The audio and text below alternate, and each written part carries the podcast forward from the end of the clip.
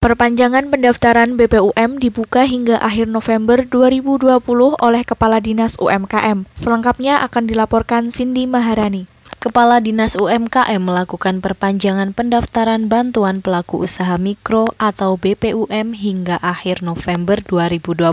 Hal ini terjadi karena antusias masyarakat yang masih tinggi. Bantuan tersebut sebesar 2,4 juta rupiah yang diambil dari dana APBN dan BUMN, bekerja sama dengan Menteri Keuangan yang akan diberikan melalui rekening bank pemerintah UMKM. Hal itu dilakukan untuk meminimalisir kerumunan di tengah pandemi. Kepala Dinas Dinas UMKM Jawa Tengah Intan Hidayat mengatakan bantuan tersebut bertujuan untuk mensejahterakan masyarakat melalui BLT, BLH, Kementerian Sosial dan pemerintah daerah setempat. Untuk mendapatkan bantuan dari pemerintah UMKM harus berjalan minimal satu tahun. Akan tetapi bagi pemula bisa mengajukan rencana kerja atau pendirian usaha serta tidak menerima kur atau bantuan lain. Pemerintah berharap bantuan tersebut benar-benar diterima masyarakat yang yang membutuhkan dan dapat dimanfaatkan untuk perkembangan UMKM, sehingga bisa memberikan efek peningkatan perekonomian masyarakat di tengah pandemi.